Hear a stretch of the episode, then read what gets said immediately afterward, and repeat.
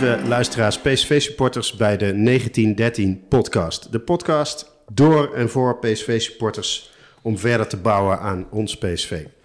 In deze podcast praten wij over de voetballers van PSV, het voetbal, het spel, de mooie momenten, de geschiedenis, de cultuur van die mooie club in Brabant. En we praten meestal niet, en zeker ook niet in deze aflevering, over de actualiteit. We gaan ook af en toe, uh, we hebben een wat bredere blik. We gaan kijken wat er de afgelopen tijd gebeurde of de komende tijd bij PSV. En we gaan deze keer wat verder in het verleden kijken. We gaan het namelijk hebben over transferzomers van PSV. We zitten nu midden in de transferzomer van 2023. Maar we gaan even terugkijken. Wat waren nou interessante en leuke transferzomers? Uh, wat kunnen we daarvan leren en wanneer is het eigenlijk een goede transferzomer? Dus daar gaan we het over hebben. En dat doe ik met mijn podcast buddies, de PSV-supporters, Mark Gommans. Mark, uh, wat vond jij nou een hele mooie uh, transfer van de afgelopen jaren? Nou, ik heb, ik heb een heel mooi transferverhaal, maar hij is helaas nooit doorgegaan. Dat is die, die linksback, Lumor, die in de winter zou komen. Dat was volgens mij was Willems verkocht in de zomer. En toen kwam... We hadden toen helemaal geen linksback. Nee, het was toen Kenneth Paal was toen de eerste wedstrijd. Toen werden uitgeschakeld in Europa.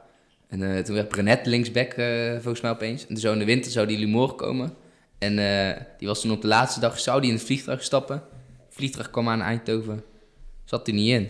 Maar achteraf dus is dat dus echt een dodge the bullet verhaal geweest. Want ik heb ze opgezocht. Hij is dus naar, hij is toen in, in, plaats van naar PSV zijn naar uh, Gustepe gegaan in Turkije. Daarna is hij dus weer terug naar Sporting gegaan. Is hij naar Mallorca verhuurd.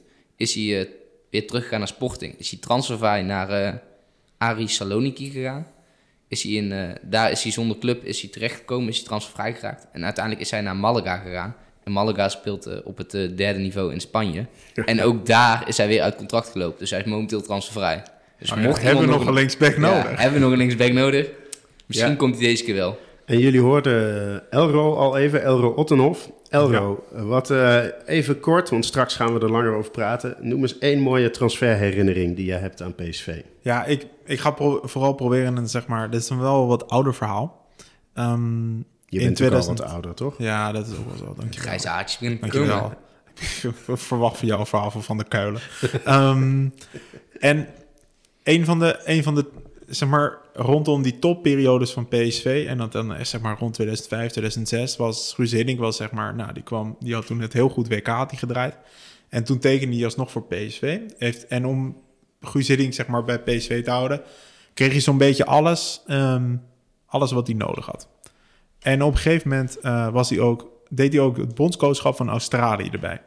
Met het uh, WK van 2006. Ja. En toen was PSV nou, ik weet niet of we nou echt een spits nodig hadden in dat jaar. Maar in de, um, in de winter van, um, van 2005, um, 2006 kwam, uh, kwam er een spits. Archie Thompson kwam naar PSV toe. Nou ja, maar dit was eigenlijk gewoon een soort van agenda van Hiddink... Uh, om die jongen fit te houden. En, en het mooie was, zeg maar, die spits was zeg maar, het was wel, het was, het was geen onbekende naam en dat had wel een bijzondere reden. En de bijzondere reden was dat uh, Australië had eerder, hadden ze een, um, een WK-kwalificatieduel gewonnen met 31-0 tegen de, de, de Samoa-eilanden. Ja. En uh, in dit duel had hij 13 keer gescoord. Dus het punt was, zeg maar, en dat was dan ook echt een, een wereldrecord voor een officiële interland. En um, nou ja, dat verhaal ging toen zeg maar viral voor in hoeverre dat in ieder geval toen zo op die manier ging. Ja. En toen had PSV de jongen binnengehaald. Dus men had toch wel een beetje verwachting van nou, we hebben er eentje binnengehaald. Die heeft gewoon 13 doelpunten uh, in één duel gemaakt. Heeft hij gespeeld? Uh, twee duels. um, ik kan me volgens mij heeft hij een keertje tegen ADO gespeeld. En uh, ja, en voor de rest heeft hij echt weinig indruk achtergelaten. En er was toen nog een hele transfer want die club wilde hem liever niet naar PSV laten gaan. Maar ja, er was natuurlijk toch ook de druk van de bondscoach. Dus er was best wel een uh, heel gedoe. Sowieso was die hele periode wat... Uh, ja, Henning zat, ja, Henning zat ook vaak in Australië. Nou ja, dat is ook een stukje vliegen. Dus was hij de twee dagen volgens mij niet. Nou, en dan moest PSV weer een wedstrijd spelen. Nou, dat had hij dan allemaal net aan weer gered. Dus wat dat betreft was dat een, uh, was dat een grappige periode. En deze transfer vond ik wel echt... ja, het, het is zeg maar... Ja, het is een eentje uit de oude doos. Maar ik vond het wel echt zo'n heel lekker transferverhaal. Ja. Nou, een mooie tijd was dat onder Hiddink, Ja. die, die de bijzondere gave had een enorm ego te hebben en toch ook niet een te groot ego en heel goed mensen naar zich kon dulden die ook een heel groot ego hadden. Maar eh, mooie tijd. Dankjewel uh, Elro. Uh, ik zit ook uh, tegenover Marien Schals. Hoi Marien. Hey. Wat heb jij een leuke herinnering aan een transferzomer of een transfersoap van PSV? Nee, ik heb eigenlijk meer een tragisch verhaal. Oh jee. Uh, en het was wel grappig, ik had een ander verhaal voorbereid, maar ik, uh, ik sprak vandaag sprak een collega, dat is een FC Groningen supporter, en ik weet geen eens meer hoe we daarop kwamen. Maar we kregen op een gegeven moment kregen wij het over Jordi Hoogstraten. Oh ja. Ik weet niet of jullie dat, Ja. dat kennen. Dat Ja. is ook best wel ondergesneeuwd. En tegenwoordig is er meer aandacht voor. Ik denk dat jij het niet kent, Mark. Maar dat is een... eh, dat was een, Supertalent Het van was een supertalent, inderdaad. eh, net een jaar na de lichting van Arjen Robben. Ja. En eh, die kwam eh, in het eerste van, van Groningen spelen. Sp- Op zijn ging, zestiende ja, of zo. eh, ging als een, als een malle. Werd echt, werd echt, was echt een groot talent. Werd ook speler van het jaar. En, eh, en in dat jaar ook eh, kreeg hij de eerste mentale problemen rondom het presteren onder druk, zeg maar. De druk die zijn familie oplegde, de druk die hij zichzelf waarschijnlijk oplegde, of de druk die hij ervoer. Ja. Uh, maar desondanks ging hij toen voor volgens mij een bedrag van 3 miljoen ging hij, uh, naar PSV toe. En uh, daar werden de problemen, het presteren onder druk, zeker bij een club als PSV, werden steeds groter. En werd Ja. hij op een gegeven moment werd hij, kwam, kwam hij volgens mij zelfs in een psychose terecht. Maar werd ook ziek gemeld. Dus eigenlijk was hij een van de spelers zeg maar, die uh, lichamelijk fit was, maar geestelijk uh, niet fit werd verklaard. Uh, en dat is eigenlijk, is hij daarna verhuurd, is hij, is hij nou, is hij een paar keer gestald bij andere clubs, maar Ja. heeft hij nergens, nergens die, die angst en die druk heeft hij kunnen afschudden. Hij had, volgens mij ook inderdaad echt last van eh, depressies. En Ja, eh, ja. eh, eh, ja, hij had gewoon geestelijke gezondheidszorg eh, eigenlijk nodig. Het, en, en dat laat tegelijkertijd ook, want we praten best wel abstract erover. eh, van ja, voetballers moeten presteren, werken voor je geld, dat soort dingen zo nu en dan. En tegelijkertijd laat dit wel zien van, ja, dit is de, de zwarte kant misschien wel van topsport. In ieder geval Ja. die hij ervaren heeft. En nu, en zo- ja, zo kwamen we erop. eh, nu zit hij als trainer bij een amateurclub en heeft hij dat plezier in het voetbal wel weer her uitgevonden, zeg maar. Mooi. Ja, het laat ook zien dat wij ook in deze podcast af en toe wel praten over spelers van die moet weg of die moeten we halen. Een beetje alsof het handelswaar is, maar er zit ook gewoon een mens achter met een heel verhaal. Vergeten we heel vaak, denk ik, ja. Ja. En eh, het was een beetje een type, volgens mij was het een beetje een type Joey Veerman. Eh, Een beetje stilistische middenvelder, eh, die Ja. goed kon pasen. Ja, ik, ik kan me dat, dat kan ik me niet zo goed meer herinneren wat voor type voetbal het nou, nou echt was. Alleen dat verhaal, dat, dat raakte natuurlijk altijd. Nou ja, ik ben 37 jaar ouder dan jij, dus ik weet dat dan nog. Ehm, eh, en ik ben Michiel Verkoelen. Eh, ik heb ook een eh, transferherinnering. Ik heb er wel meerdere, want ik ben dus heel oud. Maar, Koen eh, Dille? ehm, nee, niet Koen, Koen Dille. Ehm, eh, Matthea Kersman, die kwam in 2000. En dat was, toen studeerde ik nog hier in Utrecht. En dat, daarvan herinner ik me vooral de buzz die er kwam. En eh, dat je echt gewoon, je had toen eh, al wel internet en zo, maar je eh, hoorde verhalen van er komt een supertalent uit, uit Joegoslavië, uit Servië. Ehm, ja, er was daar, die oorlog daar was nou, nog vrij recent. En, ehm, maar gewoon een hele goede voetballer en zo'n soort Europees toptalent. En in één keer zou die naar PSV komen. En ik heb nog eens even teruggezocht. Ik herinner me, in mijn herinnering was het iets van 16 miljoen. Het blijkt van rond de 12 miljoen, zeggen mensen nu, dat de Veert- transfersom... 14 miljoen, miljoen volgens mij. Hij is heel erg lang de duurste speler ooit van Ja, PSV geweest. nou ja, maar er zijn Tot dus heel Bruma. veel verschillende bedragen Oké. gaan de ronde. Want ik zag ook een eh, recent interview met eh Kersman. En daarin zegt hij eh, 32 eh, miljoen Duitse mark. En, Ja. nou, het, de verschillende bedragen gaan de ronde, maar het was een heel grote aankoop. En het was eh, toen net nadat Ruud van Nistelrooy voor een recordbedrag naar Manchester United ging. En we hadden een hele goede spits nodig. En ik heb daarna echt heel lang... Nou, ik heb nu een beetje een haat-liefdeverhouding met Matthea Kersman. Want het is een wonderlijke en af en toe ook strontvervelende man. Heel nationalistisch. Hij is ook ontzettend homofoob en zo. eh, Maar, maar hij is ook een fantastische voetballer was hij bij PSV. En toen hij bij ons voetbalde, eh, ja, hield ik echt heel erg van Matthea Kersman. Omdat hij... Uh, Waar wij in een van onze vorige afleveringen het over hadden, over de identiteit van PSV, hebben lichaamde echt eh, gewoon de gebalde vuist tegen de grote clubs. En eh, de manier waarop hij scoorde tegen Manchester United bijvoorbeeld. waarvan- Eh, nou ja, nee, nee, eigenlijk hij ging een man voorbij en ramde hem gewoon in de kruis. Oh ja, die- die Keihard, eh, kapbeweging. Ja, ja. uitspelen die man. Ja, dat kan Kesman. Dit kan Kesman ook. Oh. ja, we kunnen van elke goal Euro vragen of hij het commentaar nog ja, zeker, zeker. Maar dat, dat was een hele mooie herinnering aan eh, dat PSV echt een hele grote speler haalde. Wat ik me dan nog even afvroeg, want dat was ook zeg maar met Kesman. En ik heb dat niet echt toen heel erg meegemaakt. Maar ik weet nog dat hij zeg maar was gehaald. En toen was zeg maar die bus wat je zei. En toen scheen het dus tijdens het EK in Eindhoven. ehm, werd hij ingebracht en pakte hij na 21 seconden pakte hij een rode kaart. Eh, hoe was het toen met die bus gesteld? Want ik weet nog dat, van, ja, dat men toch ook wel een beetje in paniek was. Maar dat misschien dat dat... Als ik jou zo zie, is dat niet echt bijgebleven. Nee, ja, de- nee dat- ik herinner me zijn interlands minder. Ik herinner me gewoon ja. nog heel goed. En ook zijn Want het was op het EK, was op het EK 2000.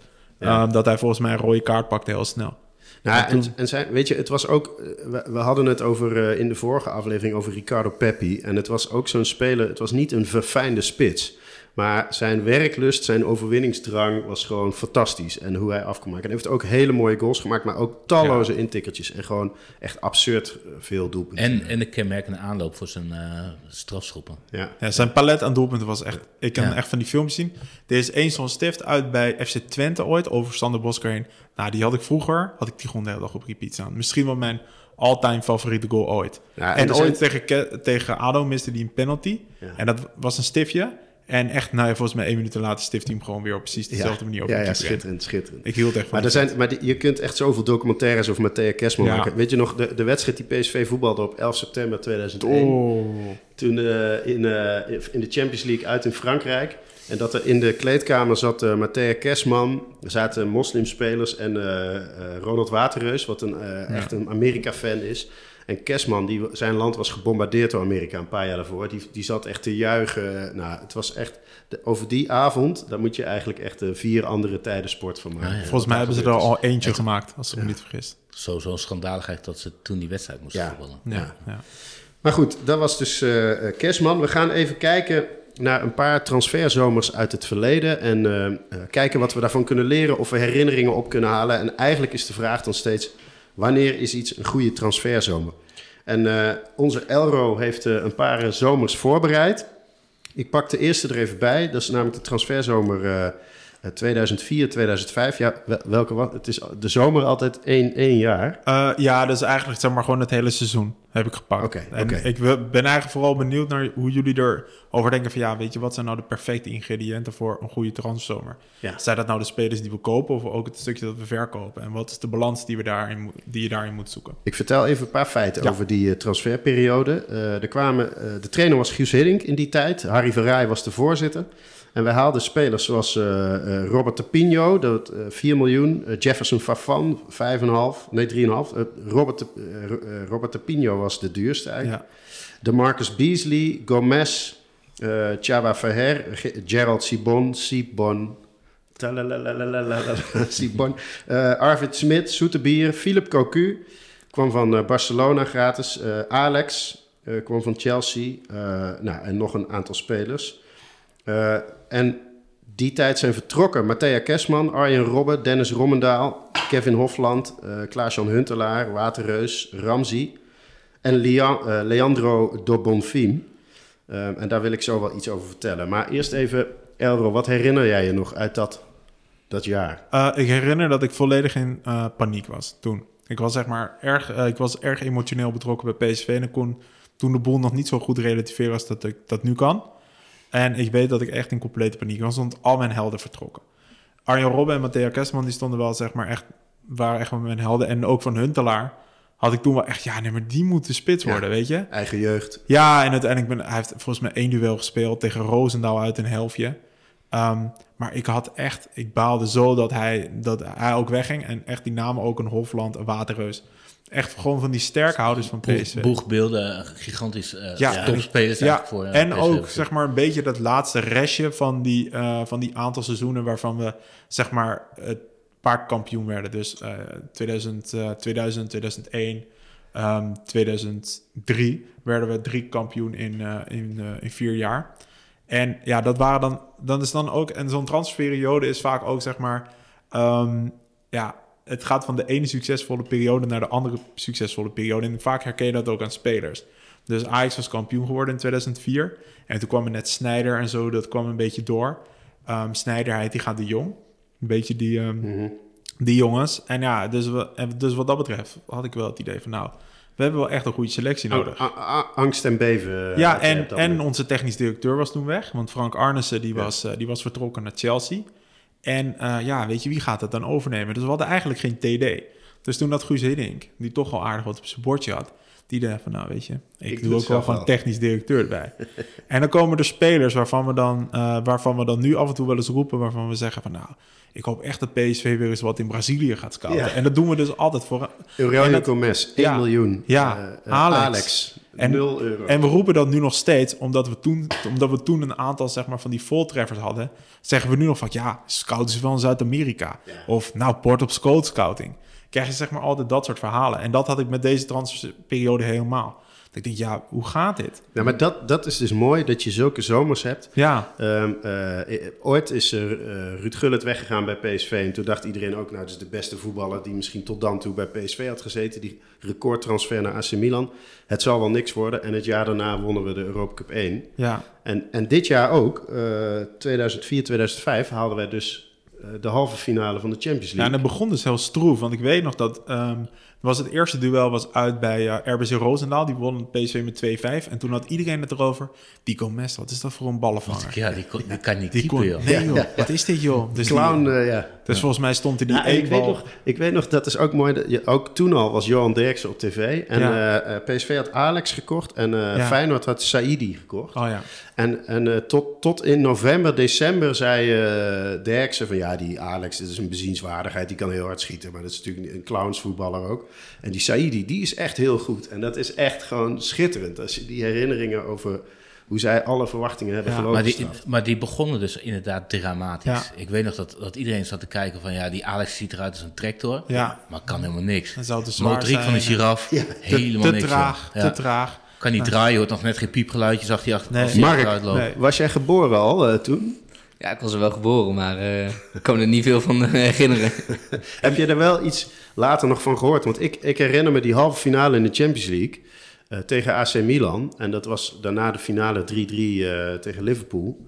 Eh, ja, ik, ik herinner me die wedstrijd dat ik erbij was en hoe dicht wij erbij waren. Heb jij uit de overlevering daar iets van Nee, meegekregen? je er achter, na de rand hoor je, ja, later als je groot bent hoor je wel natuurlijk te verhalen. Volgens mij is die halve finale, zeg maar, dat PSV daar, heeft, daar heeft bereikt, is een van de, toch een van de historische momenten uit de Ja. geschiedenis van de club.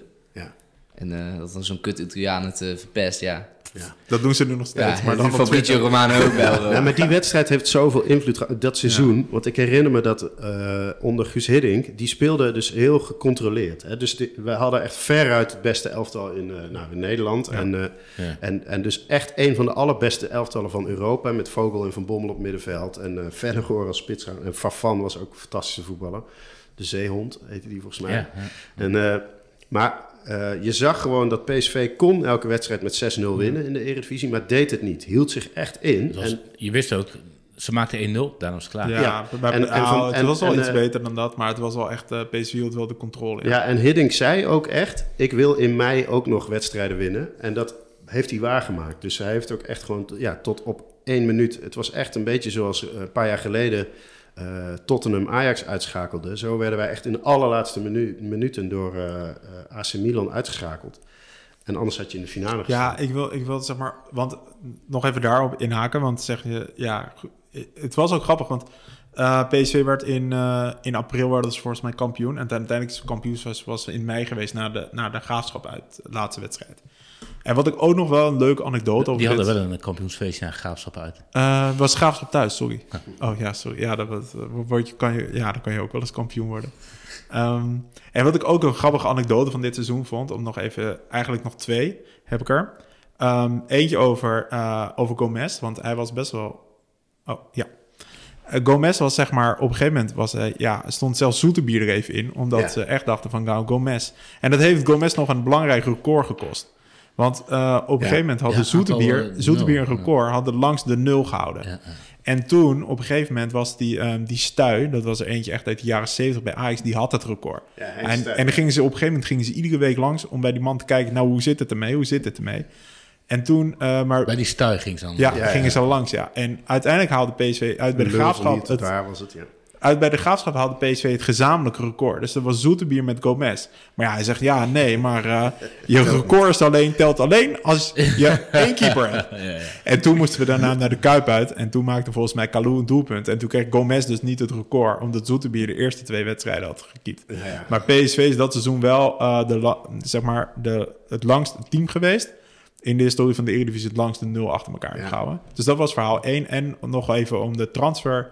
Helemaal PSV heeft dat seizoen één Eredivisie-duel verloren. En dat was thuis tegen Rode JC. En dat was de wedstrijd dat Aruna Kone... Ja. ehm, Alex een rode kaart... eh, ja, weet je, die draaide Alex helemaal dol. ja. PSV was net door in de Champions League. En toen kwam Roda op bezoek. PSV verloor toen best ziek vaak eigenlijk van Roda. Dat was altijd Ja, iets zo mee. Roda was in die de tijd beker, gewoon jongen, dan supersterk. Ja. ja. mist. Ja. Ja, dat was ook. En toen, en toen eigenlijk in die wedstrijd eh, was de enige wedstrijd PSV verloor 0-2. En Kone was echt, echt weergaloos. Alex rood voor de rust. En eh, ik denk ook nog steeds dat PSV op basis van die wedstrijd uh, Kone, Kone ook heeft gekocht eh, later. Dat is toch ook nog best wel een bijzonder verhaal. Even uitstapje. Dat Ja. Kone terecht is gekomen in Eindhoven. Omdat hij in Amsterdam niet door de medische keuring Ja, we- hij zou de opvolger van Slatan geweest moeten Ja. zijn, maar was toen afgetest. Ja. Ja. Ja, dat was iets met zijn hart of zo. Ja. Hadden ze wat gezien. En toen Ja. kwam hij bij Eindhoven. Wat, eh, wat ik ook nog zag in het lijstje van spelers wat vertrokken was dus eh, Leandro Dombonfim. Ja. En ik heb hier op mijn blaadje een hartje getekend. Omdat Tegen dat, Eh, dat, ja, dat, ja, dat was zo'n voetballer. Ja, die hebben maar weinig PSV-sporters gezien. Want die heeft denk ik maar twaalf wedstrijden gespeeld of zo voor PSV. En eh, die, die echt wiegde met zijn heupen, zeg maar. En, en ik heb, ik, zo oud ben ik nou ook weer niet dat ik Abel Lenstra heb zien voetballen.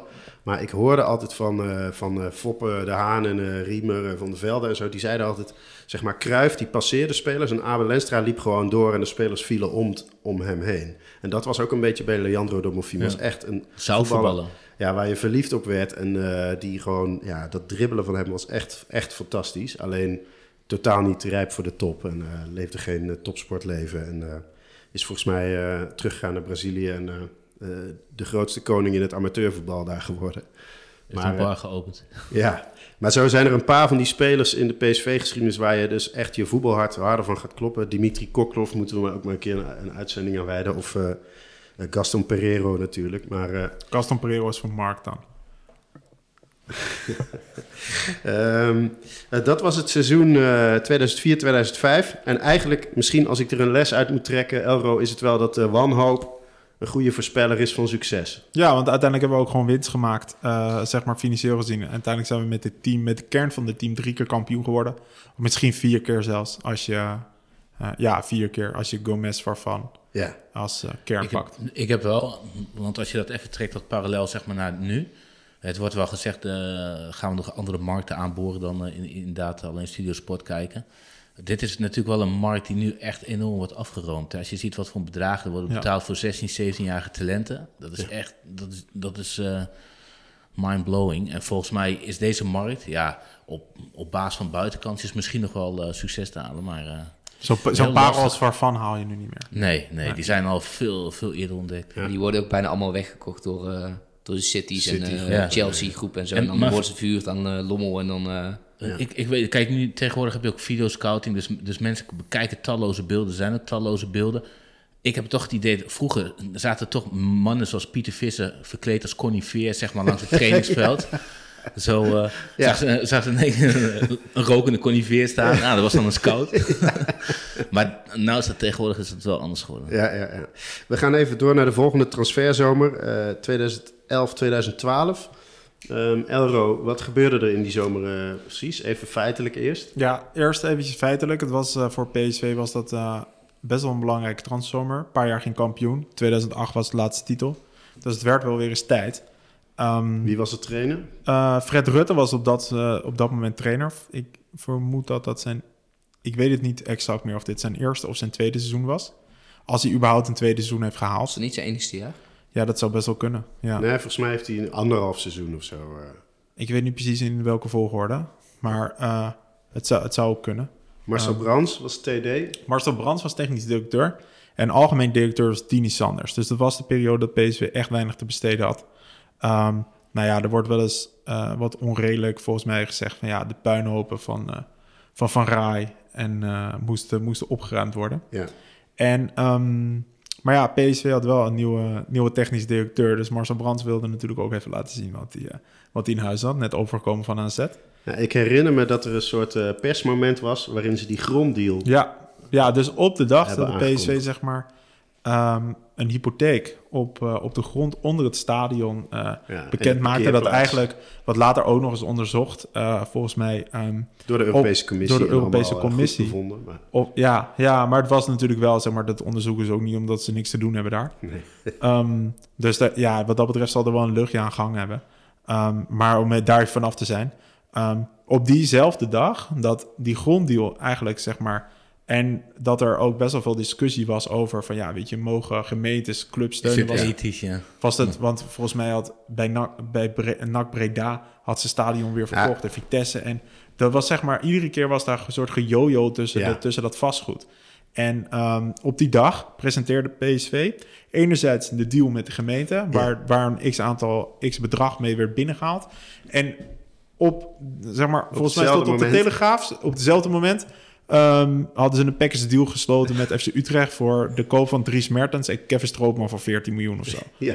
Of, ja, maar eh, het, het was letterlijk, ze stapten de raadzaal Ja. uit. Er Ja. stonden allemaal juichende PSV-fans. Ja, Ja. wat- Toen, zei, toen, ze- toen eh, werd er wat geroepen door de algemeen directeur. En toen zei eh, Marcel Brands van eh, ongeveer met zijn zijn Ja. Nokia 3310 in handen van... eh, ja, en we hebben ook nog een deal met... eh, Ja, ja, maar echt Heel dus, gênant. dus de club was gered door Ja. die gronddeal. En, eh, eh, en hij kondigt meteen aan. En we hebben net 13 miljoen besteed aan Ja, twee ja. spelers. Ja. En, eh, maar juist door die persconferentie werd die deal zo controversieel ook. Want ik heb daarna, weet ik nog, duizend keer dat moeten verdedigen tegen allemaal allerlei supporters van andere clubs. En Terwijl, jouw kennende doe je dat dan ook? nou ja, in die tijd nog wel. Maar ik heb, ik heb, de, ik heb het wel redelijk opgezocht. Eh, PSV is de allerlaatste club in Nederland die overheidssteun kreeg. De allerlaatste. Alle clubs in Nederland hebben overheidssteun gehad in een of andere vorm. En, eh, maar dat was in die tijd gewoon heel controversieel. Omdat mensen zeiden, ja, het zijn gewoon gemeentes die geven miljoenen weg aan zo'n Ja. club. En die verbranden het meteen aan de slechte transfer. Maar het, het was, want het was, Dus was gewoon heel onhandig om Voor de beeldvorming. Volgens mij, hadden ze, volgens, mij was dat, eh, volgens mij had PSV een leningportefeuille die echt heel hoog was tegen, tegen slechte voorwaarden.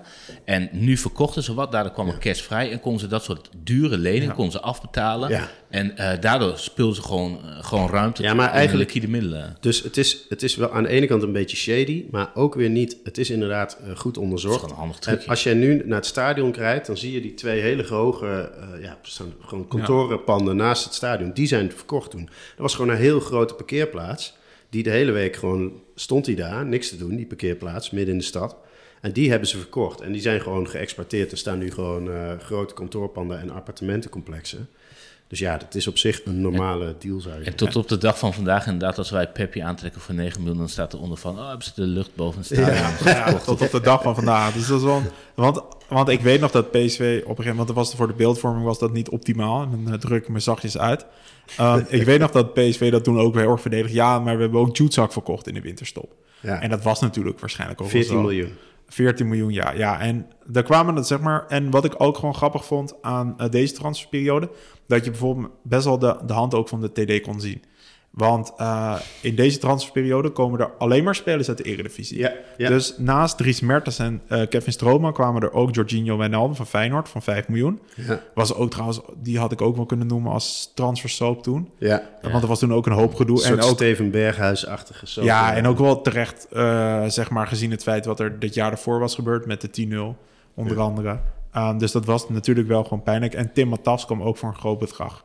En uiteindelijk zijn er ook uh, talent Jetro Willems is binnengehaald voor 8 ton. En uh, op een gegeven moment kwam Marcel de Brands er denk ik nog achter. Nou, we hebben nog verdedigers Shit, nodig. verdedigers, ja. Shit. Ja, ja, en dus toen kwam nog um, kwam Timothy de Rijk nog van ADO. Ja. Ja. Uh, een beetje aan het einde. En wat de, ook nog wel een leuke fun fact is dat Memphis Depay dit jaar aansloot bij de... Ja, bij en, de, en ook een Leuke. Locadia toch ook? Um, nee, die kwam iets later. Die kwam volgens mij wat later, ja. Wat ook een leuke fun fact is dat uh, naast uh, Depay kwam Abel Tamata en uh, Funso Oyo uit de jeugd. Ja. Funso Oyo, eh Aten Mos die voorspelt altijd eh, gewoon wie succesvol zal zijn. Hè? En Aten Mos moeten we heel hoog waarderen. Is een goede trainer. Zijn takes zijn hotter dan die van jou. Ja, ja. En eh, eh, hij heeft dus gezegd over, eh, onder andere over Funso Orjo, dat dat het grootste talent was uit die eh, lichting. En eh, nou, later heeft hij ook eh, uit lichtingen met Afellay en Aysati en zo spelers eh, genoemd die, eh, waar nooit meer wat van vernomen is. Dante Rigo, dat was toch een mix Ja. tussen eh, Van Bommel en Ja. Pirlo. Ja, Ah, zoiets, Armando ja. Obispo was beter dan Matthijs de Ligt. En, eh, maar goed, overigens, overigens, Aysati was een uitzonderlijk talent wel. ja. Ik, ik weet nog dat hij die sloopte toen op 17-jarige leeftijd AC Milan. Ja, dat was echt Ja. bizar, die 1-0 toen. Ja. En, en dit was het seizoen, zag ik, dat Jonathan Reis vertrok. En dat is ook een tragisch verhaal. Ehm, eh, on- onder eh, Fred Rutte ook, die, zijn, eh, die een superzware eh, beenbreuk had. Anders was hij waarschijnlijk ook naar Barcelona of zo gaan. Wat een talent was dat. Even over, over spitsen die, die wel sierlijk zijn en balaannames hebben. Nou, werkelijk fluweel. Fantastische voetballer was dat. Ja. En PSV werd dit seizoen uiteindelijk derde. Fred Rutte werd, werd ontslagen. Ehm, nou ja, volgens mij niet halverwege het seizoen, maar eh, na een uitduel tegen NAC. Volgens mij scoorde Kees Kwakman toen twee keer. Dus eh, we kunnen misschien wel zeggen dat hij eh, heeft veroorzaakt dat Fred Rutte ontslagen werd. En uiteindelijk werd, werd, maakte even Cocu het seizoen afgemaakt en heeft hij nog de beker binnengehaald. Maar, en wat ik eigenlijk wel grappig vond aan deze transferperiode, ehm, of eigenlijk wel opvallend, dat je nu misschien wel zegt van nou, het was eigenlijk best wel een goede transferperiode.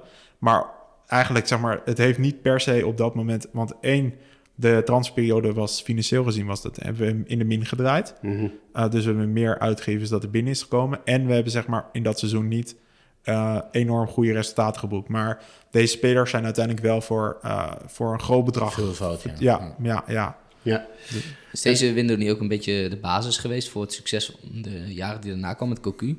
Zeg maar? Ja, want. Wijnaldum en Depay zijn toen aangetrokken. Ja, en Willems. Maar ook, zeg maar, ook echt de... Ja. Er is daarna is wel eh, met Cocu zo opeens wel gezegd, is toen wel gezegd, we moeten nu echt anders gaan doen. Ja, Ja. maar eigenlijk kwam dat dus pas eh, het jaar daarna. Ja. Ja. Nou, en ehm, eh, je zag inderdaad ook wel het beleid van Marcel Brands... van alle Nederlandse talenten of talenten Ja. uit Nederland moeten bij PSV voetballen. En, eh, en dat zie je nu ook weer een keer een beetje terug. Hè? Je ziet nu ook wel weer dat Noah Lang, eh, Thomas Belen... eh, dat de, de focus wel echt is op Nederlandse talenten... Terwijl je, eh, nou, eh, Feyenoord, eh, nou, die haalt nu ook wel spelers uit de eh, eerste divisie, maar ook heel veel exotische spelers van eh, eh, heinde en verre. En, eh, en Ajax lijkt dat ook meer te gaan doen onder Mislintat. En je ziet bij PSV dat er echt focus is op Nederlandse spelers, of Ik- niet? Ja, dat, dat klopt. Ik, wat ik ook interessant vind is dat, eh, wat je noemt net het voorbeeld van Jetro Willems. Dat was natuurlijk eentje die, die, die nog niet op het niveau van Nee. doorgebroken zat. Dus die, daar werd volgens mij 17 9 of ton. zo, ja. 9 ton? Eh, ja, Ja. zoiets, ja. En, eh, Nou, daar koop tegenwoordig een garage, garagebox voor in eh, Amsterdam. ja. Maar 9 ton werd hij gehaald. En eh, d- dat waren spelers zeg maar, die, die daar net onder die radar zaten. Die toch de potentie hebben. Wat je eigenlijk nu ook Ja. ziet met Tico Land. Ja, dat zijn van die jongens. En, en dat hebben ze natuurlijk toen met die partnerfondsen toen wel aangekondigd. Van ja, we willen wat, wat geld hebben. Waarin we dus op, op voorhand dat soort spelers... voordat ze eh, op het toneel verschijnen al kunnen halen. ja, want die jongen is toen echt een zijn raket gegaan. Want hij was eigenlijk helemaal niet ready voor, voor PSV 1. Met Pieters die... eh, Maar toen was Pieters volgens mij, die was geblesseerd geraakt. Ja. En toen de tweede linksback, we hadden nog een tweede linksback, ik weet even niet meer wie dat was. Maar die was ook gewoon uit de running. Oh, En toen moest Willems moest gewoon invallen. En best lang ook. Die Wat een tweede linksback was heerlijke- de Mata toen. Eh, oh, dat zou wel Is kunnen. het, is het niet ook dat legendarische seizoen dat eh, Pieters toen eh rode kaart kreeg? Met die, die boos ruit Ja. door die ruit Ja. heen. Volgens mij kon hij ook een aantal ja, weken niet spelen. Ja, het zou best eh, kunnen. En dat heeft hem misschien ja. nog eens toen het EK gekost. En uiteindelijk ging Willems dus naar het EK, naar het van 2012. Ja, onder, Met Van Marwijk. Jongste speler ooit op het EK, toen de tijd. Heerlijke En- voetballer ook. Ja, jawel. Maar eigenlijk was hij natuurlijk helemaal niet ready. Want eh, Ja, ik weet hij speelde ook geen goed, eh, geen goed Nee. eh, toernooi. Nee, nee, maar ja, ik kon het helemaal niet aan. Maar volgens mij waren de eerste vijf linksbacks op dat EK geblesseerd. Ja. Maar bij PSV Nederland. was hij, ja, niet er vanaf het begin, maar na een tijdje, echt, weet je nog, die inswingende voorzet Ja. Luc Ja. de Jong. was Maar dat, maar dat had hij, maar daar heeft hij echt drie seizoenen voor nodig gehad om, dat, eh, Ja. om echt zo goed te Maar worden. ik ben blij dat Mark ehm, een teken van leven Ja, toonde, want jij, jij leefde dus toen al wel. En jij weet nog dat eh, Erik Pieters eh, de dugout kapot Ja, sloeg. dat weet ik wel, dat Erik Pieters... Dat vind, dat vind ik een mooi moment. mooi moment. Momenten. Maar sowieso dat seizoen zit volgens mij wel met eh, grappige momenten. Want volgens mij is het ook eh, het ding dat die bus werd opgewacht Ja. met eh, Fred Rutte. En dat hij Ja. eruit stapt en dat dan zijn stem overslaat. Ja, dat was wel echt, Dat- echt een van de terug. Nee, het, dat is ja, het eigenlijk, nog- moment zelf is treurig, maar... Maar eigenlijk is het nog erger, want hij duwt eerst gewoon allemaal space uit de bus. Zo van, eh, ja, gaan jullie maar tussen de wolven staan. Op een gegeven moment zegt hij van, ja, afstand houden, eh, dan kom ik ook naar buiten toe.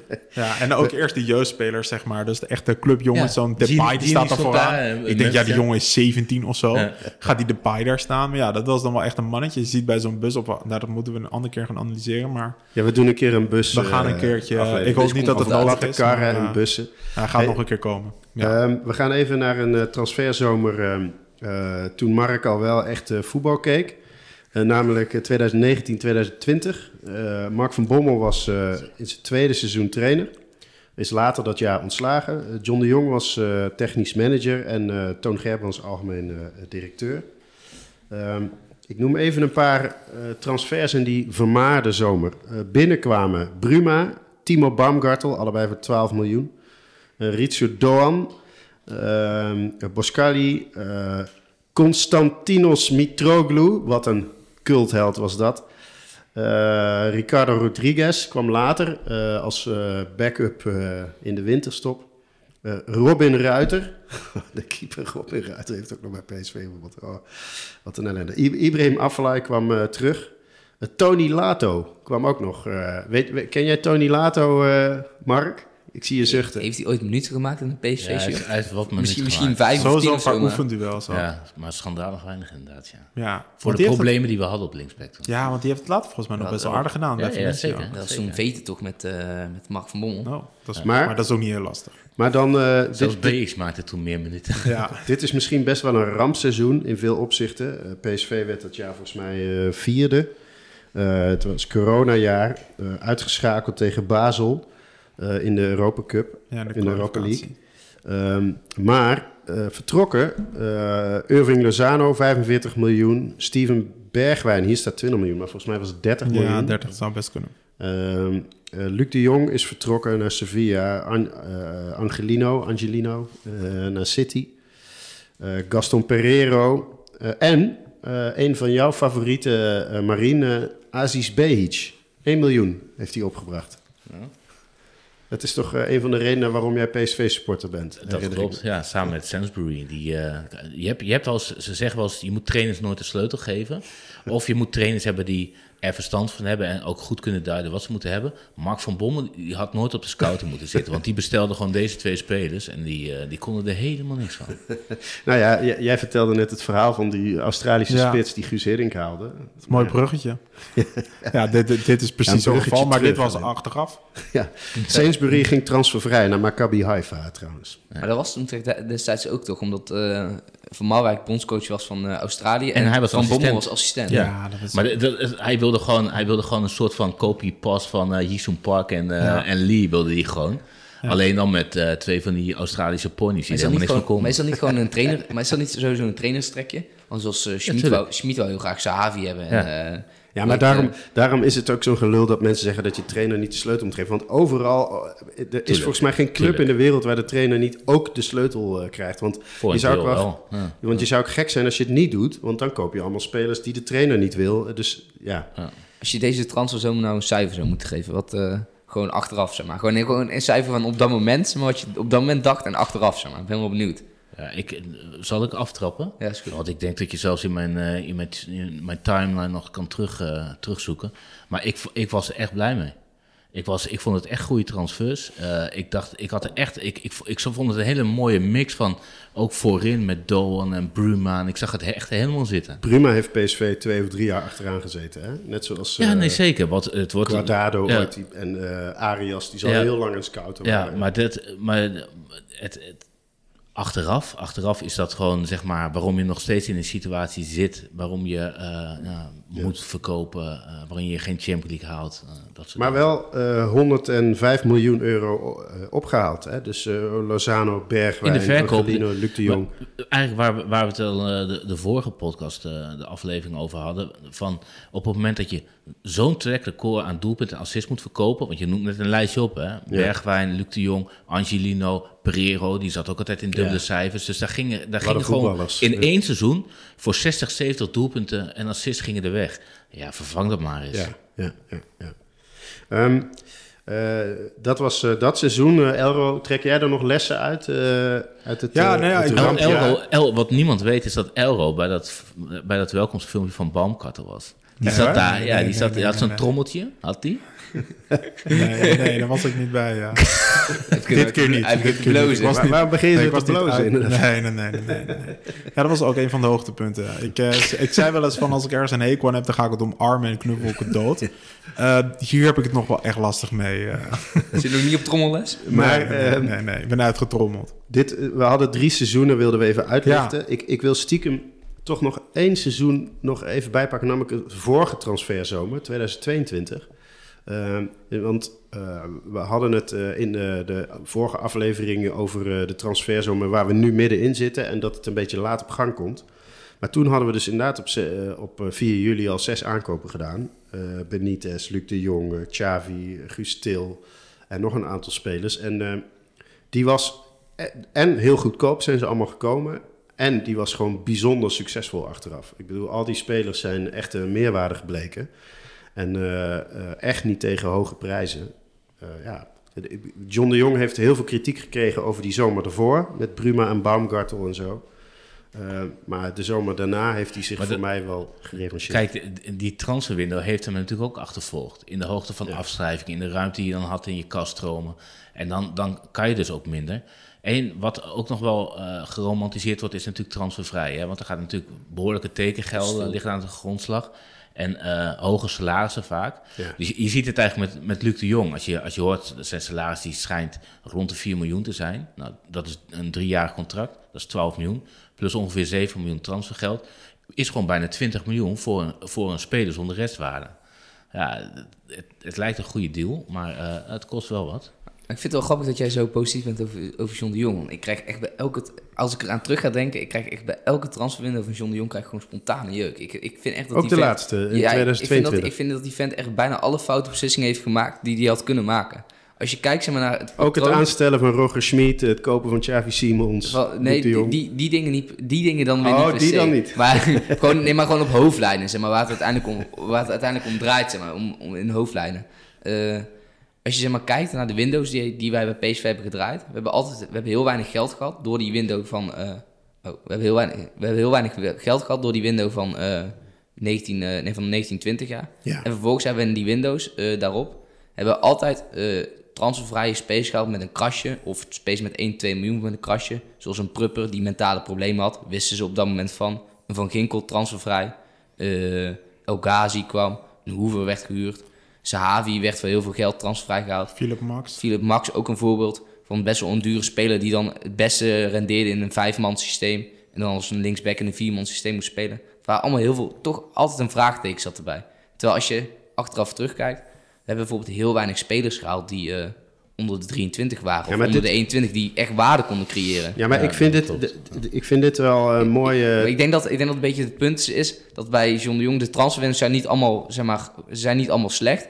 Alleen over de breedte zijn ze allemaal zo, zijn ze identiek dat we onszelf toch in hetzelfde, ja, het wordt eigenlijk een doorlopende ja, cirkel. Ik vind het super interessant hoe, hoe je hier heel verschillend naar kan kijken. Want eh, ik ben me ervan bewust dat ik misschien wel een minderheidsstandpunt heb onder de PSV-sporters. Maar ik vind dat mensen Luc, eh, John de Jong afrekenen eh op de slechte beslissingen. En helemaal dan eh, ja, veel te weinig kijken naar de goede beslissingen. Zoals hij was elementair in de veranderen.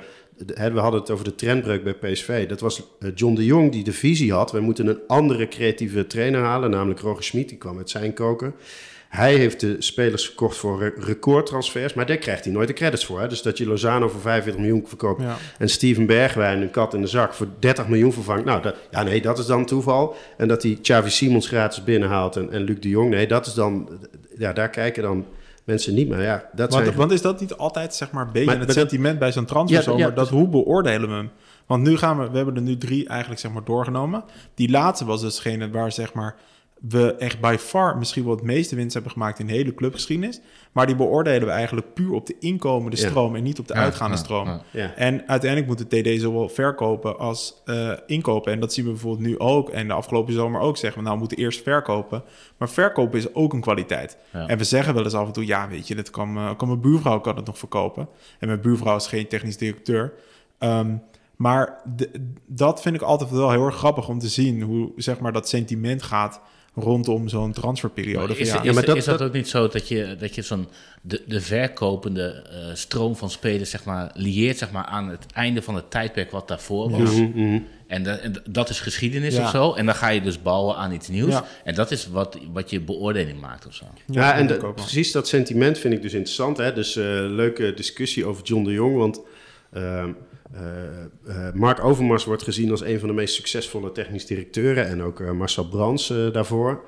En eh, als je nou kijkt, eh, Overmars heeft heel goed verkocht. Maar je wil echt niet weten hoeveel dure miskopen die heeft Ja, gehad. zeker. Als Echt- je, daar kan je ook een lijstje Er van maken. verbleekt eh Baumgartel en eh, Bruma bij. Maar bij en, eh, Brands kan je dat ook. Volgens mij kan je dat bij elke Ja. team. Bij, bij Marcel, Marcel Brands die verhuurt eh, momenteel Maxi Romero. En dat is zijn aankoop van 10 miljoen. ja, Er ja. zijn, zit bij Brands, zit ook, volgens mij is dat bij elke TD. Alleen wat, wat ik zelf best wel interessant vind, in, wel, het hoofddoel is een beetje, wat, is nou, wat maakt nou een goede transferwindow?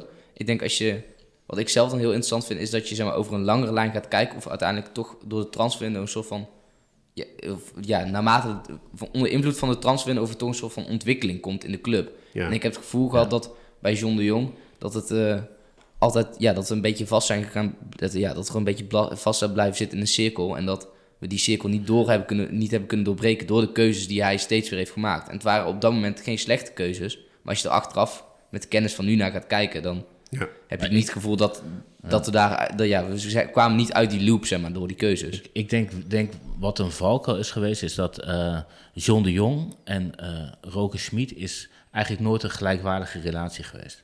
Ik, dat, dat denk ik, dat is mijn gevoel. Dat, dat John de Jong eh, was nog een vrij jonge, onervaren TD. Waarvan ook Marcel Brands, toen hij bij Everton zat, zei van... joh, ik heb dingen zien gebeuren bij mijn oude club. Dat zeg nou even in eigen woorden. eh, die, ik, die, bij mij niet, eh, die niet, bij mij niet zouden gebeuren. Dus, en dat waren spelers die op voorkeur van Roger Smit. En dat, dat, waren, dat hoeft niet per, per definitie slechte spelers te zijn. Maar wel spelers in het belang van een trainer. En, en uh, Roger Smit zat daar voor de korte termijn. Dat wist hij. Die wilde resultaat, die wilde prijzen. En uh, daar paste een 33-jarige spits uh, paste daar prima in. Nou, mo mooie discussie over uh, wat nou een goede transferzomer maakt. En ja, hoe je daar verschillend naar kan kijken. Um, we zitten nu midden in de transferzomer. En om even af te sluiten, jij zegt, zie je nou een ontwikkeling? En ik hoop, dus zei ik in de vorige aflevering, dat bijvoorbeeld als wij Thomas Belen halen, dan zie ik daarin, hé, hey, dat is een speler die je normaal gesproken zou je nooit bij PEC Zwolle een voetballer ophalen of uit de KKD. Maar omdat Peter Bos een bepaalde speelwijze heeft, omdat je dan gaat kijken naar specifieke kwaliteiten, zie je eigenlijk dus een soort visie. En uh, nou, dat geeft mij dan hoop, zeg maar. Dat, uh, ik weet niet of dat nou uh, door deze speler komt, maar het geeft in ieder geval hoop dat ik denk, aha, er is over je nagedacht. Moet, je moet, eh, ter aanvulling, je moet in ieder geval nagaan denken over een continuïteit. Want je ja. ziet nou in de discussie, uh, nou werd even die keepersdiscussie weer aangezwengeld. Ja, Bos heeft wel bij voorkeur een, een keeper nodig die meevoetbalt. En meevoetbalt is dan die de ruimte kan bewaken, die uh, de lange ballen kan onderscheppen, de diepe ballen zeg maar. Dus die durft te voetballen. Dus en wij hebben Benitez, omdat Ruud van Nistelrooy een totaal ander tactisch plan had. En ja. daarvoor hadden we Envoco en hebben we Drommel gehaald, omdat Rook Schmid. Ja. Nou, en volgens mij daar moet je, en volgens mij is dat wat nu gebeurt bij, uh, bij PSV. Stuart heeft een visie. Die, die wil, uh, waar die continuïteit aan gaat geven. En dat is volgens mij het allerbelangrijkste. En dan kan je inderdaad scouting, transfers, alles gaan vormgeven. Um, tot zover de lessen uit de transferzomers uit het verleden. En dan eindigen we altijd met het hoogtepunt van de podcast, de rubriek van Elro. We hebben, Elro. Ook, we hebben ook nog een kijkersvraag, hè? Ja, ja we, die, die, die doen gaan we, daarna. Daar, oh, maar dan gaan we daar dan mee eindigen? Of met die ja, die, daar gaan we mee eindigen. Okay. En, uh, oh, maar eerst even de, ru de, rubriek van Elro. Uh, het dilemma. Van, uh, ja, van vandaag. Ik, ik, heb wel weer een leuke bedacht. Um, en dat is mooi in het thema van deze, van deze uitzending. En ook, um, ja, stel dat je het beleid helemaal gaat omgooien. Het is wel het is wel, dan ga je tenminste wel een visie uit, eh, uitdragen. Dus het dilemma is als volgt. Je moet kiezen tussen de, twee, de volgende twee opties. PSV mag de rest van het bestaan alleen maar spelers aantrekken die geboren zijn in Brabant. Of PSV wordt overgenomen door het omstreden Citigroep en krijgt een open portemonnee voor de rest van het bestaan. Marien. De klok tikt, Marien. Eh, ik, ga, ik ga voor de laatste optie. Eh, en ik zou, dan, ik zou dan gewoon de hele tijd zou ik Space transfervrij laten vertrekken. En dan daarin gewoon ja, clausules opnemen. Oh, die, ja. ik, die ik gewoon kan activeren wanneer ik wil. Ja, ja dus... eh, En, en dan zou ik iemand aanstellen. Het is Het liefst iemand die... hè, een- dat je het dilemma je eigen uh, Nee, maar- draai geeft. Nee, maar en het liefst zou ik dan een Italiaans charteren, zeg maar, die er dan eh, aandacht aan ging, Ja. ging Ja. geven. Dus Savi Simons kan voor 6 miljoen terug naar PSV als hij zelf wil. Nou ja, ik, Naar vind- PSV. ik, ik vind het wel, eh, maar dit vind ik heel eh, snel out of the box, vind ik een goed voorbeeld. Ja, En, ja eh, daar had ik nog niet over nagedacht. Mark, eh, wat zou jij kiezen? Ik, eh, ik zou voor dat eerste kiezen. Je, Het is alleen maar Brabant. Je, je moet je, nee, nee, je moet, je moet, je, je moet eerste, je moet je ziel niet verkopen aan die kut Arabieren. Ik vind dat je dat echt, ik, ik vind dat je dat echt niet moet doen. Ik, vind dat echt zonde. Dat is echt, ik vind dat echt zonde van je club. Dat is echt gewoon heel je, heel, heel je liefde en je historie van je club is weg. En je hebt bijvoorbeeld nog het verhaal zo met, Le, met Leicester, zeg maar. Die hebben ook een club verkocht. Alleen daar zit zeg maar, een club-eigenaar die ook echt geeft om die club. Maar die, eh, die Qatar-dingen en zo, die boeit het allemaal niks. Maar ik zou dus voor Brabant kiezen. En dan zou ik dus hopen dat ze met alle goede spelers in Brabant... gewoon zich een beetje, ja... Dat een beetje een soort van de genen uitgewisseld worden, een beetje voorplanten. En dat je Ja. een soort van Catalonië-effect krijgt. Een soort hebben ze ja, die Ja, stiekem die- toch een best goed elftal kunnen opstellen. eh, Ja, maar zie je, zie je, Urk heeft ook een heel goed eh, elftal. Ja, daar weet je alles van. Het wordt eh, wat controversieel. Nee, ik zou toch eh, voor de Citigroep kiezen. Want ik, ik, ik ben namelijk... eh, ik ga weer even de discussie met je aan, Mark. Mag wel, toch? Ehm, Tuurlijk. eh, volgens mij eh, zijn die overnames van eh, clubs... Die, die worden in een kwaad daglicht gesteld. Maar mensen vergeten wel eens dat eh, Paris Saint-Germain en Manchester City... waren echte volksclubs toen ze gekocht werden. waren niet onbetekenende, nikszeggende clubs, zeg maar. Je hebt nu ook wel eigenaren die kopen echt een amateurclub... en willen helemaal de stap omhoog maken. Hè? Die club waar Zijn, zijn, ze nog steeds een, zijn, zijn ze nog steeds een volclub? ja, absoluut. Je moet naar die, die Gallagher Brothers eh, kijken van Oasis. Hoe blij die, die stonden echt te juichen op de banken. Die hebben dus gewoon 40 jaar gekeken naar een club die elk, elk jaar twaalfde werd. En die zeiden, onze club blijft hetzelfde, maar we gaan Guardiola... Is er één club in Europa met meer visie dan Manchester City? Is er één club in Europa die Gewoon niet, niet per se slecht geleid. Meer, meer heeft geïnvesteerd in het stadion, in de jeugdopleiding, in de visie dan Manchester City. Dus ja, ik vind dat eh, mensen doen altijd van ja, dan komen er buitenlanders en die kopen je club en dan verkoop je je ziel naar daar. Nee, de ziel van Manchester City heeft veel meer historie gekregen door deze aankoop. Dus ik wil eh, niet elke aankoop is eh, de- dat verhaal van Leicester City met die Thaise eigenaar. Dat is toch fantastisch? Ja, dat is Ja, maar dat is wat anders. Hè? Dus het dilemma is echt, zeg maar, dus het omstreden Citigroep. Dus gewoon in dit geval, eh, nou ja, is Ja. heel kort door de bocht fout geld. Ja. Citygroep is geen, eh, is geen Thaise eigenaar van Leicester City. Nee, Maar dat is nee, dat beetje- klopt. nee, dat is niet iemand die eh, rijk is geworden Ja, met... eh, Het is niet de bedoeling dat jullie dan weer de realiteit in mijn Nee. droom eh, gaan brengen. Nou, je, wou, je wou toch discussie... eh, Ja, dat is het idee van het dilemma. discussie. Ja, je hebt gelijk. Ja. Dat is ook Ja. allemaal wel weer Ja. fout geld. Ja, ja, wat zou jij dan kiezen, Elro? Ehm, ja, kijk, ik heb voor de rest niks met Brabant, maar ik vind het, eh, het hele punt van... Je wat- bent PSV wel, toch? Eh, jawel, maar eh, het is wel goed om af en toe even een ander geluid te laten horen. Ja. Ehm, maar ik vind wat, wat zeg maar in Baskeland, zeg maar bij Bilbao, vind ik echt fucking bruut. ja. Dus ik zou het wel heel erg vet vinden als PSV, zeg maar. Maar het punt is wel, de kans dat je succes hebt, is wel gewoon een stuk minder groot als je natuurlijk een hele kleine, uit een hele kleine vijver vist. Ja. Ehm, dus dat moet je dan op de koop toe gaan nemen. Maar je verandert dan volledig zeg maar, als club, maar je blijft wel heel dicht bij je identiteit en je hebt een unieke identiteit. En eh, dat vind ik dus wel echt, zeg maar, dat zou ik dus heel erg eh, even, dit dilemma gaat natuurlijk nooit gebeuren. Maar eh, als je dan de keuze hebt, dan eh, altijd dat boven, boven succes. Frank, Frenkie de Jong, Virgil van Dijk. Dat zijn allemaal Brabantse voetballers, toch? Ja. Dus, en hoe heet die gozer die nou... eh, Cody ja, die naar Amsterdam is gegaan? Dat is ook een Brabander. Branko van, Bomen. Ja. Ja. Ja. Ja, dus dan zou ik Dus daarvoor je, kiezen. je kan er je schijnt op de middenstip geboren te zijn, heb ik de hele tijd gelezen. Dus, eh, Nou, Eindho- Eindhoven, slimste We gaan, van eh, Nederland. Dus we- we, moeten oplossingen vinden. Het komt Ja. er goed. We gaan als eh, allerlaatste van eh, deze uitzending nog een, eh, een, een luistervraag eh, beantwoorden van eh, Bram eh, PSV op Twitter. En dat is een vraag van jou, Mark.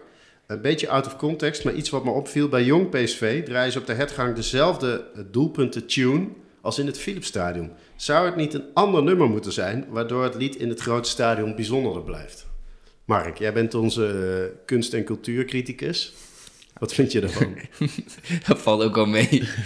Volgens mij uh, kon mijn kunst en cultuur niet verder dan bier zuipen en uh, drugs snuiven. De, de, de vier, drie G's waren toch? Ja. Of wat was het? Ja. Dat is toch een chemie, gezelligheid en... Uh, Uh, Zie maar hoe je thuis komt. ja, was het? zoiets, ja. Nu alles door. Zuipen, zingen, zie maar hoe je Maar heb je een komt. antwoord, eh, Mark, op de vraag? nee, uh, ik maak me daar niet zo druk over, eerlijk gezegd. Uh, Nou ja, kijk, maar, maar dan moeten we misschien wel gewoon onze eindtune uh, als een van de twee uh, moeten kiezen. En wie zou je dan als uh, de eindtune van Fresco, Ja, als we die dan pakken? het anthem, anthem van uh, Ja. Fresco. Ja. Waar we zo meteen ook weer naar gaan luisteren, want uh, En, dit is... en voor wie pakken we hem dan? Voor Jong PSV of voor... Ja, voor, Jij mij mag, mag, jij mag kiezen. voor mij mag hij in het grote stadion. Oké. Mag hij welke hebben ze nou in het grote stadion eigenlijk? Simply de...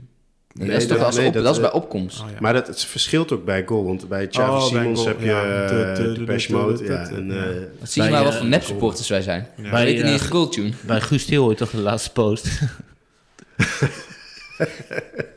Het gaat ontsporen, jongen, Ja. deze eh, aflevering. We gaan luisteren naar eh, Fresco, want dat is de eindtune ook van onze podcast. Eh, dank jullie wel voor het luisteren naar deze aflevering eh, 3b van de 1913 podcast.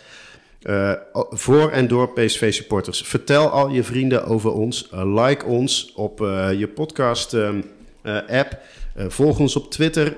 En abonneer je op ons. En blijf luisteren. Dank voor het luisteren. En tot de volgende keer. Fijne zomer. Klaar wakker, maar ik blijf dromen. En ik zal er met de tijd komen. Want ik weet waar ik was